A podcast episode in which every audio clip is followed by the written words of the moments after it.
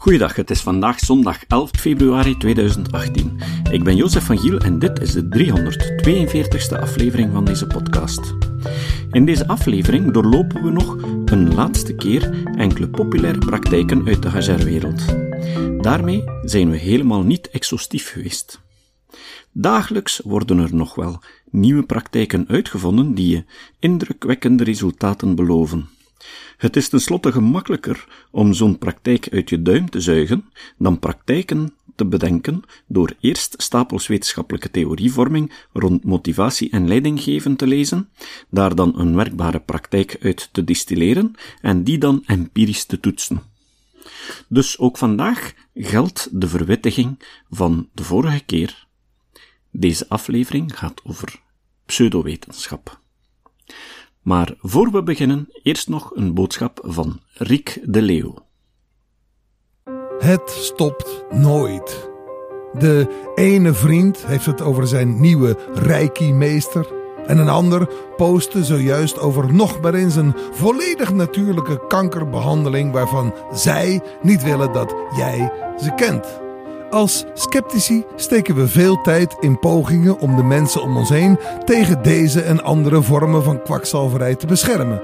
Maar er bestaat een manier om miljoenen te bereiken. Guerrilla Skepticism op Wikipedia is een groep die eraan werkt om de beste sceptische informatie in alle talen binnen handbereik te houden. De training is leuk, verloopt aan je eigen tempo en we hebben onze eigen supergeheime Facebookgroep.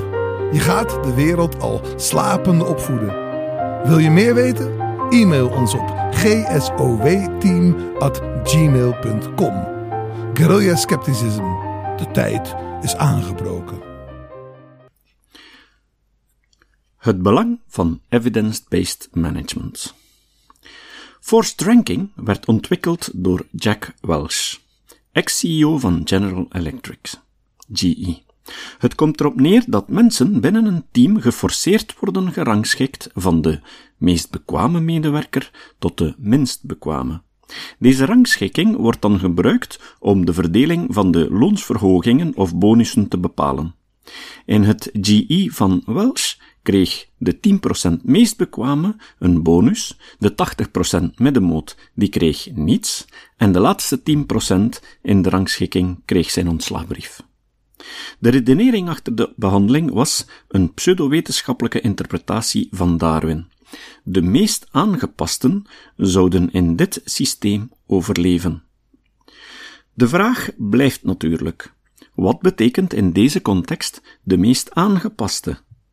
Onderzoek toont echter aan dat dergelijke methodes de teamspirit en de motivatie kapot maken. Bovendien is zo'n rangschikking binnen een team van mensen met gelijkaardige functies en niveaus sterk gebaseerd op willekeur. Meer daarover in een van de volgende afleveringen. Zo'n systeem zorgt ervoor dat niet de besten beloond worden, maar zij die zichzelf het best kunnen verkopen en eventueel weglopen met de ideeën van de anderen. De mensen die op de achtergrond het vuile werk doen, vallen in zo'n systeem echter meestal uit de boot, maar zijn in werkelijkheid onmisbaar voor het goed functioneren van een bedrijf. Doordat GE succesvol was in de tijd van Welsh, werd deze praktijk gretig gekopieerd door andere bedrijven, onder andere door Enron, waar zelfs 20% van de laagst scorenden ontslagen werden. Bovendien heeft McKinsey, het gerenommeerde en duurbetaalde consultingbureau, de praktijk gepromoot in hun succesvolle boek The War on Talent, waarin ze onder andere Enron de hemel in prezen. Dit verschijnsel wordt het halo-effect genoemd. Mensen hebben de neiging om alles te kopiëren wat succesvolle mensen en organisaties doen, zonder zich af te vragen of die zaken ook bijgedragen hebben aan het succes. Maar het is goed mogelijk dat het succes helemaal niets te maken heeft met dat specifieke gedrag. Steeds meer bedrijven beginnen in te zien dat forced ranking geen goed idee is en hebben beslist om het samen met het jaarlijkse beoordelingsgesprek af te voeren. Onder hen zijn niet de minste, zoals Microsoft, Nestlé en General Electric zelf. Nog een populair idee is: we gebruiken slechts 10% van ons brein. Dat is natuurlijk onzin, want evolutie houdt niet van verspilling.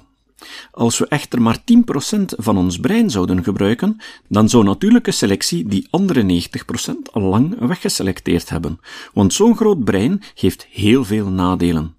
Het verbruikt onevenredig veel energie in vergelijking met de rest van het lichaam.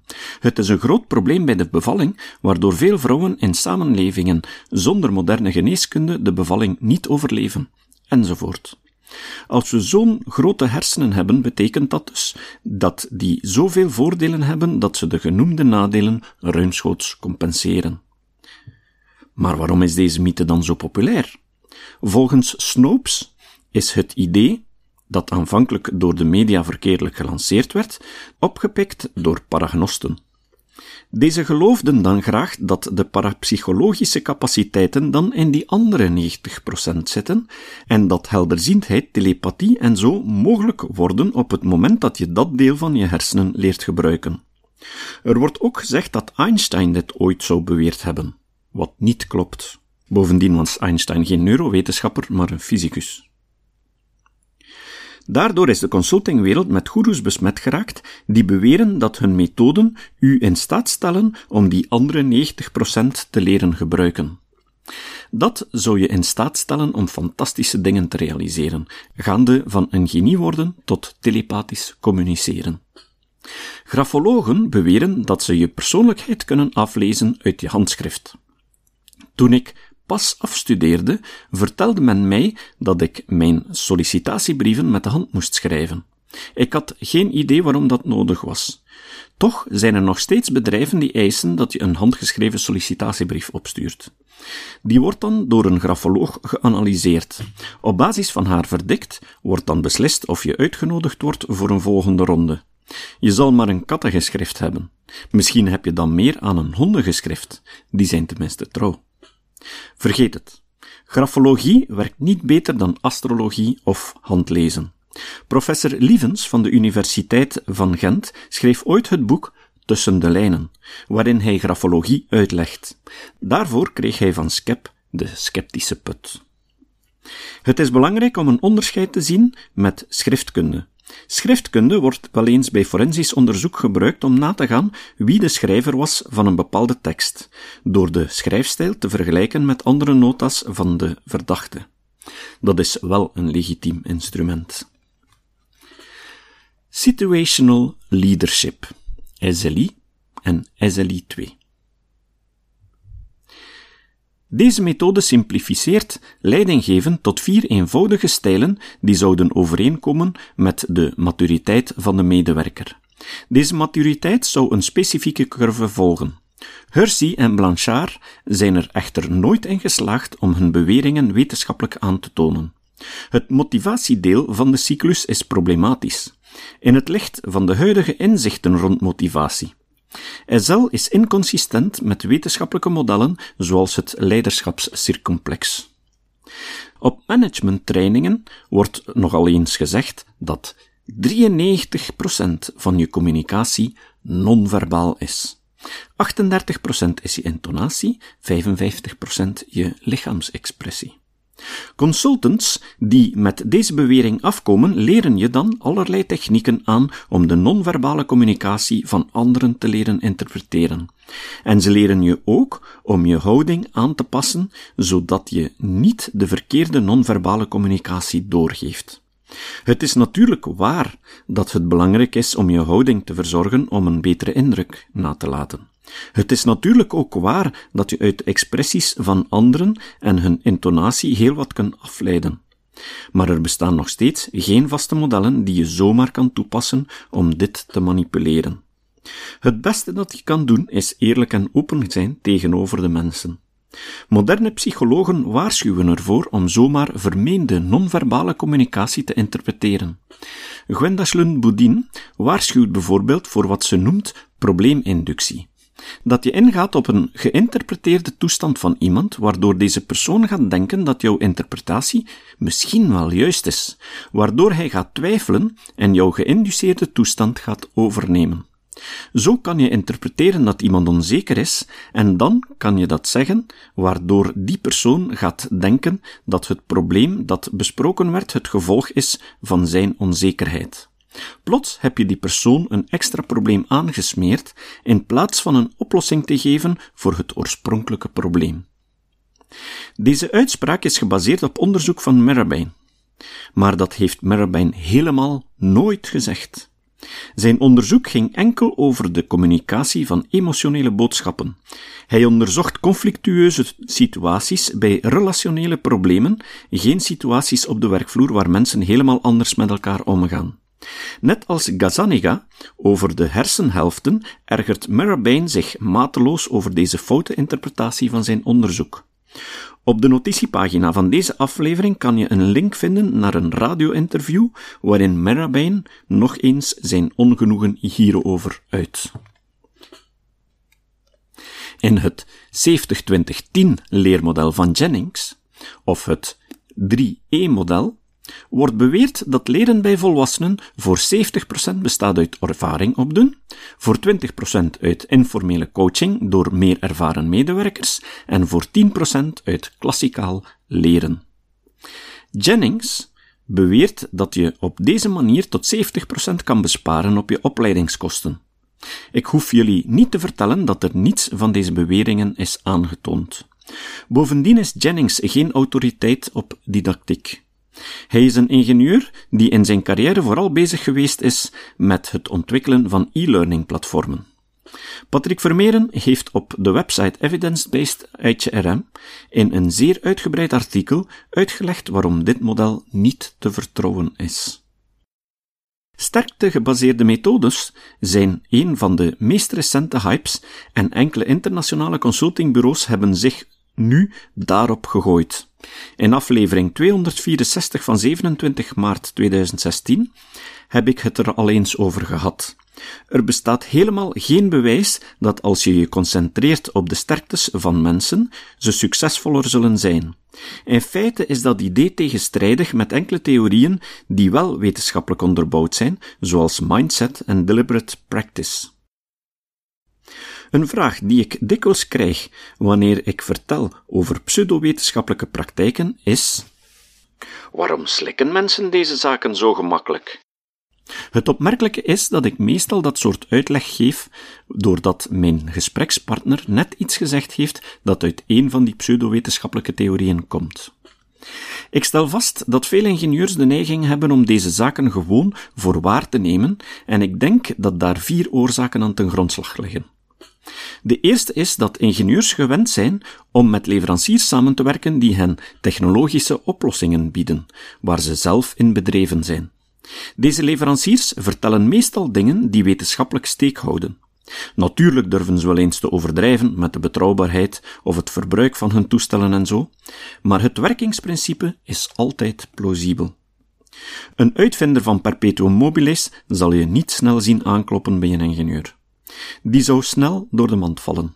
Vanuit deze heuristiek gaat de ingenieur ervan uit dat een leverancier van HR Consulting even betrouwbaar is als een leverancier van, ik zeg maar iets, kogellagers. Dus slikt hij gewoon die verkoopspraatjes en gaat hij ervan uit dat de basis wel goed is. En als er bedrog is, dat het dan van dezelfde grote orde is als bij die technologieleveranciers.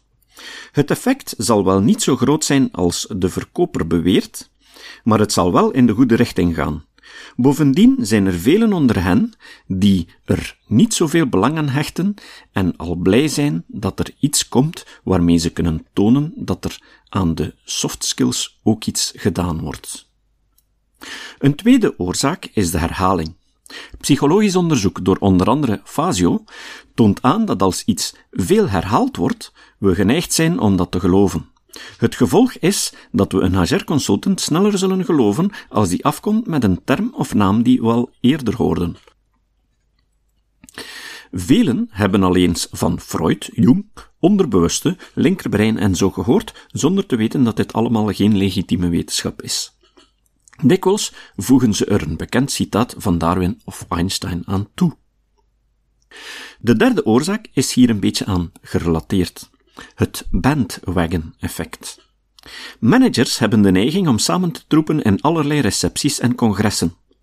Als dan van de directeur van een groot bedrijf horen dat die net ik zeg maar iets, al hun kaderleden hebben laten screenen met Insights Discovery, dan zullen ze ervan uitgaan dat dat een goed idee is. Als dat groot en succesvol bedrijf dat doet, dan moet het toch wel goed zijn, zeker. Want die hebben dat toch wel goed onderzocht. Dus zullen wij het ook maar doen. Nee.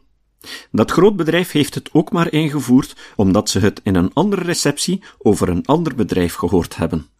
Of van een sluwe verkoper van HR-oplossingen die hen vertelde dat het bij, ik zeg maar iets, General Electric in Amerika overal hebben toegepast. Iedereen hangt zijn wagon aan datzelfde locomotiefje. En tenslotte is er nog het Forer-effect. Zoals je al kunt vermoeden, heeft Forer hier veel onderzoek naar gedaan. Hij maakte teksten op waarin hij allerlei teksten uit horoscopen van tijdschriften haalde en samenbracht tot een vloeiende proza. Op YouTube kan je een filmpje vinden waarin James Randi het Forer-effect toont in een klas. Iedereen krijgt er een enveloppe waarop hun naam staat. In die enveloppe zou hun persoonlijkheid beschreven zijn met behulp van astrologische methoden, vertrekkende van hun geboortedatum, geboorteuur en geboorteplaats. Op Randy's teken mag iedereen de enveloppe openen en lezen wat er staat. Ondertussen worden de gezichten van de deelnemers gefilmd en je ziet hoe bijna iedereen erg verrast reageert. Dan vraagt Randy om hun persoonsbeschrijving te beoordelen met een cijfer tussen 1 en 5, waarbij 1 betekent dat de tekst zeer algemeen is en voor iedereen van toepassing, of helemaal niet voor jezelf van toepassing. Terwijl een 5 betekent dat de tekst perfect op jezelf van toepassing is en onmogelijk door iemand anders geschreven is. Dan vraagt hij dat iedereen die zijn tekst een 1 geeft, zijn hand opsteekt. Niemand steekt zijn hand op. Iedereen die een 2 geeft.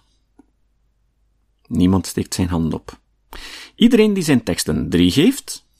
Niemand steekt zijn hand op. Een 4, ongeveer een derde van de klas, steekt zijn hand op. Een 5, de overige twee derde van de klas, steekt zijn hand op. Dus bijna iedereen is overtuigd dat die tekst zeer persoonlijk is. Dan zegt Randy dat hij een klein experiment wil doen. Hij vraagt dat iedereen zijn blad aan zijn achterbuur zou geven en de laatste rij aan de eerste rij, en vraagt om de tekst te lezen die ze nu voor zich hebben. Iedereen had dezelfde tekst gekregen. Die tekst bevatte een aantal algemeenheden waar iedereen zich in herkent en heel specifiek lijken, zoals Je hebt onlangs enkele problemen gekend. En Je hebt veel ontgonnen talenten. Einde citaat. Vleiende uitspraken werken goed. Typisch resultaten van de methoden die ik in deze drie afleveringen besprak, staan vol met dat soort algemeenheden. Die worden dan nog een beetje specifiek gemaakt omdat ze zaken herhalen die je zelf hebt aangegeven tijdens de vraagstelling. Kortom, in het beste geval is het gebruik van onbewezen methoden tijd en geldverlies. In het slechtste geval is het schadelijk. We gaan het hierbij houden. Volgende keer beginnen we met het echt interessante deel. Van welke theorieën is wel bewezen dat ze werken? Het citaat. Het citaat van vandaag komt van Patrick Vermeeren. Aan het begin van deze reeks vertelde ik al dat hij een van die weinige HR-consultants is die wel evidence-based werkt. Vermeeren zei: Toch vinden wij dat mensen die zich op het terrein van de emoties begeven, een degelijke, bij voorkeur psychologische, scholing nodig hebben. Niemand zal immers aanvaarden dat iemand die niets afweet van zwemmen en pedagogie zijn jonge kinderen zal leren zwemmen. Stel dat deze persoon zou overtuigd zijn dat je kinderen in het water moet gooien om ze te leren zwemmen. Zoals men tot de jaren 60 geloofde overigens. Dit zou geen zinnige ouder aanvaarden. Tot de volgende keer. Deze podcast is het resultaat van het werk van veel mensen. Rick de Laat verbetert bijna al mijn teksten en maakt de meeste vertalingen. Emiel Dingemans verzorgt onze website en Facebookpagina. Ook Leon Korteweg en Stefan Sutens schrijven, vertalen of verbeteren soms artikelen. Leon onderhoudt bovendien het YouTube-kanaal van deze podcast. De muziek van de intro en de trailer heeft Nick Lucassen geschreven en soms maken we ook gebruik van muziek van Ad van Nederpelt, die ons zijn prachtige composities ter beschikking stelt. Dit was de podcast Kritisch Denken. Vergeet niet om alles kritisch te behandelen, ook deze podcast. Voor verdere informatie over deze podcast, links en voor de tekst, surf naar www.kritischdenken.info. Als je deze podcast belangrijk vindt, kun je me steunen door anderen warm te maken ook eens te luisteren. Stuur een e-mail naar vrienden met een link naar de website en plaats de link in de handtekening van je e-mails. Tevens kun je op iTunes deze podcast een beoordeling geven of een recensie schrijven. Of je kan op je eigen website of blog een link naar kritisch denken plaatsen.